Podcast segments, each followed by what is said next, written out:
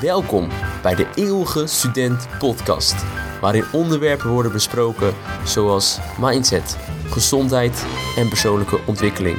Want je bent immers nooit uitgeleerd. De Eeuwige Student Podcast met Justin Sarion. Veel luisterplezier.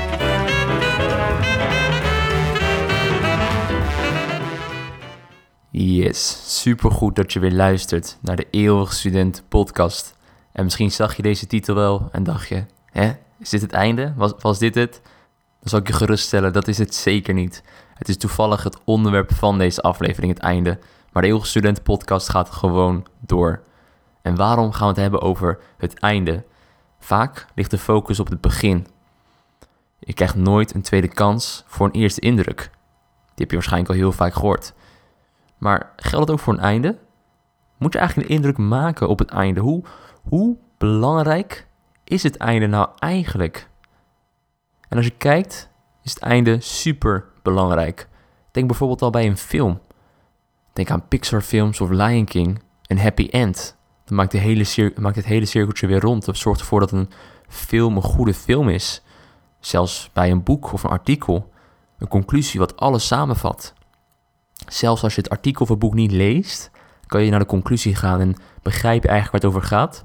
En op, specifiek op het einde kan jij beoordelen of het relevant is voor jou of niet. Op een date, hoe sluit je de perfecte date af? Net zoals in de films, de kus. Daar komt het einde weer bij kijken. Het einde maakt eigenlijk alles weer mooier. En ja, zelfs om het zomaar te zeggen, bij een massage, het eerste wat er wordt naar gevraagd als iemand een massage heeft gehad, hoe was het einde? Dus hier zie je weer de perceptie in einde dat het eigenlijk super belangrijk is voor mensen. En ook als we zien naar de feestdagen, oud en nieuw. Het komt er bijna weer aan. Als je kijkt hoeveel geld mensen uitgeven tijdens oud en nieuw, een feestdag om het einde van het jaar te vieren. Ik had laatst gekeken, in 2018 was er 70 miljoen euro aan vuurwerk uitgegeven, volgens de Volkskrant. En wat blijkt, vijf op de zes mensen geeft niet eens geld uit aan vuurwerk. Dus super, een hele kleine groep geeft super veel geld uit om het einde te vieren, om het zo maar te zeggen. En de mensen die misschien geen vuurwerk uh, kopen, die geven hun geld wel uit aan champagne, aan eten, aan samen zijn, aan een restaurant of een feest. Dus hierin zie je ook weer hoe belangrijk dat einde is en oud en nieuw. En vaak zien we het einde, of überhaupt timing, als iets wat, ja, wat er gewoon is. Het is gegeven en we handelen ernaar. Maar er is eigenlijk een hele wetenschap achter. En ik ga drie weetjes over het einde vertellen in deze aflevering. Dus zet jezelf vast, hou vast eraan. Het eerste weetje is, volgens de wetenschap is het einde misleidend. En misleidend in de zin dat het lijkt vaak mooier dan het werkelijk is. En dit hadden ze onderzocht van een groep van Harvard, een paar psychologen die hadden een uh, fictief persoon verzonnen, genaamd Jim. En Jim is een CEO. En ze hadden twee groepen. Bij de ene groep vertelden ze dat Jim een CEO was. Hij was 30 jaar eigenlijk ja, een slechte baas. Niet werkgerelateerd, als in hij maakte gewoon winst. Maar ja, hij was gewoon echt een grote gier. Hij gaf niks uit aan de verzekeringen van zijn werknemers, geen bonussen, geen cashpakketten. Mensen konden niet echt promotie maken. Ik kon eigenlijk nooit voor geldzaken bij hem zijn en hij probeerde eigenlijk op alles te bezuinigen waar het maar kon, ten koste van zijn werknemers. Nou, toen in het laatste gedeelte van zijn leven veranderde hij zijn hele karakter. Hij ging hij geven aan goede doelen. Hij ging promoties geven, bonussen, cashpakketten, noem het op. Zelfs aan arme mensen op straat die niks met hem te maken hadden. Hij werd super gulzig. Maar na zes maanden gulzig zijn, ging hij dood aan een hartaanval. Dit werd verteld aan één groep. Aan de tweede groep werd een, ja, een andere Jim verteld. Ook een CEO, maar hij was 30 jaar eigenlijk een hele goede baas. Hij zorgde ervoor dat zijn werknemers ja, genoeg kregen aan promoties, aan bonussen, aan kerstpakketten. Maar de tweede Jim veranderde eigenlijk juist op het laatste moment van zijn leven. De laatste zes maanden voordat hij doodging, werd hij juist eigenlijk heel gierig. Gaf hij niks, probeerde hij alles te bezuinigen. En ook de tweede Jim ging dood aan een hartaanval. Wat denk je dat het verschil is tussen twee gyms? Hoe heb je dat zelf eigenlijk ervaren? Uit het onderzoek blijkt dat de eerste groep, waar een gym eerst super gierig was en daarna eigenlijk heel vrijgevig werd, hetzelfde werd beoordeeld als de tweede gym die 30 jaar supergoed was en de laatste zes maanden eigenlijk gierig werd. Wat eigenlijk heel apart is als je kijkt naar de periode. De eerste gym is eigenlijk ja, het grootste gedeelte van zijn leven niet per se goed geweest, om het zo maar te zeggen. Terwijl de tweede gym zijn leven eigenlijk goed is geweest. Maar puur door dat einde, die laatste zes maanden, hebben een heel ander beeld gegeven aan de groep die een verhaal hoort over die gym. Dus hier geeft ook weer heel mooi aan hoe misleidend een einde kan zijn, zowel in je voordeel als in je nadeel.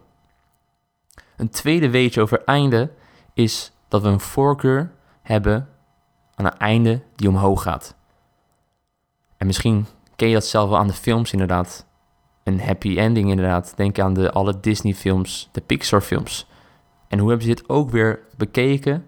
Nou, ze hebben hier ook weer een research over gedaan, waarin ze inderdaad mensen chocolaatjes gaven. En die chocolaatjes moesten ze reten, beoordelen op hoe goed ze waren. En elke keer kregen ze een chocolaatje en de testgroep die beoordeelde hoe goed een chocolaatje was.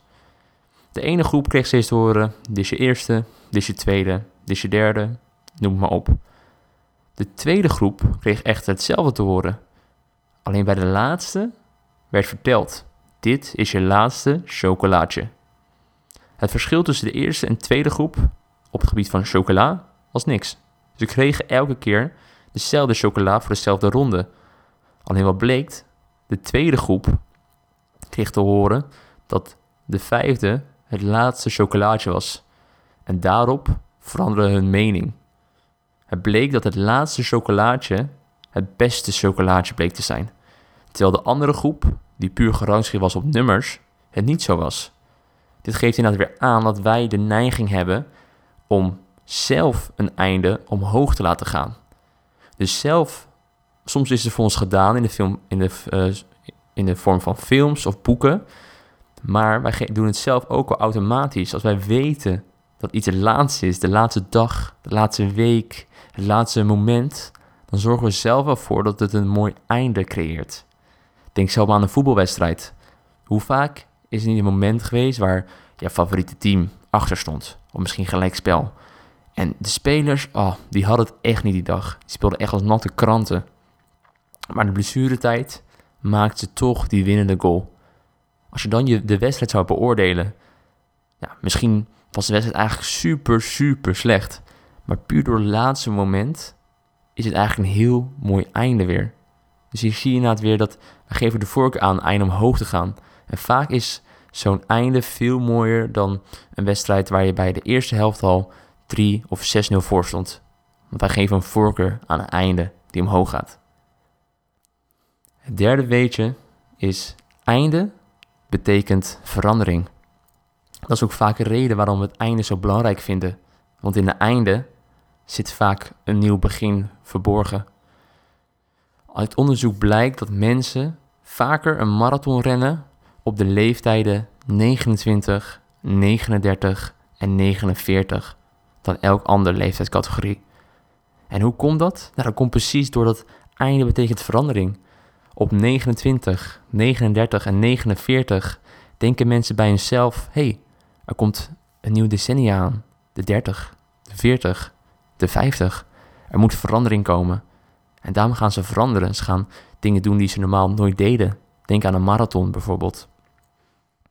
Verder zien we ook mensen die vaker van baan switchen, is op een moment dat ze één jaar, twee jaar of drie jaar bij een werkgever zitten.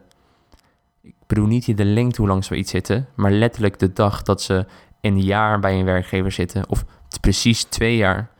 Dat is een moment voor mensen om na te denken van, hé, hey, ik zit hier nou precies een jaar of drie jaar. Wil ik dit eigenlijk doen? Wil ik die verandering meemaken? Is dit het einde? Dus je ziet inderdaad die drie weetjes, de wetenschap achter eindes. 1. Einde is misleidend, want het lijkt mooier dan het is. 2.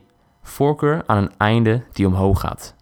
Kan door onszelf gemaakt worden of gegeven. En 3. Einde betekent verandering. Leuk om dit te weten natuurlijk, maar wat kan je hier nou mee? Wat, hoe zouden we dit moeten aanpakken? Of hoe kunnen we dit toepassen op ons eigen uh, leven? Nou, heel vaak zien we inderdaad dat we misschien niet altijd een goede dag hebben. Het is natuurlijk om problemen te hebben, stressvol te zijn, uh, moeilijke periodes te hebben op werk, in relaties, op school, noem het allemaal maar op.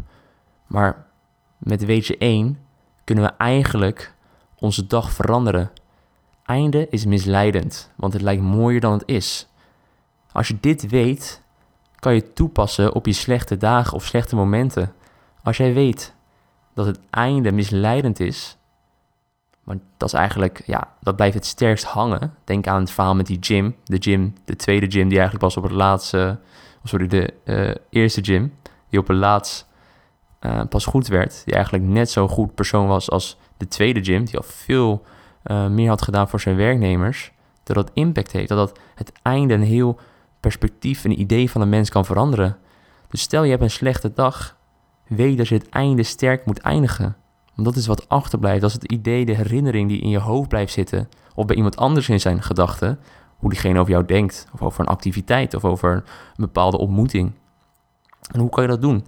Nou, ten eerste, schrijf op wat je die dag gedaan hebt. Wat heb je behaald? Vaak in je dalen zullen er vast ook wel pieken zitten of geluksmomenten, om het zo maar te zeggen, die je meegemaakt.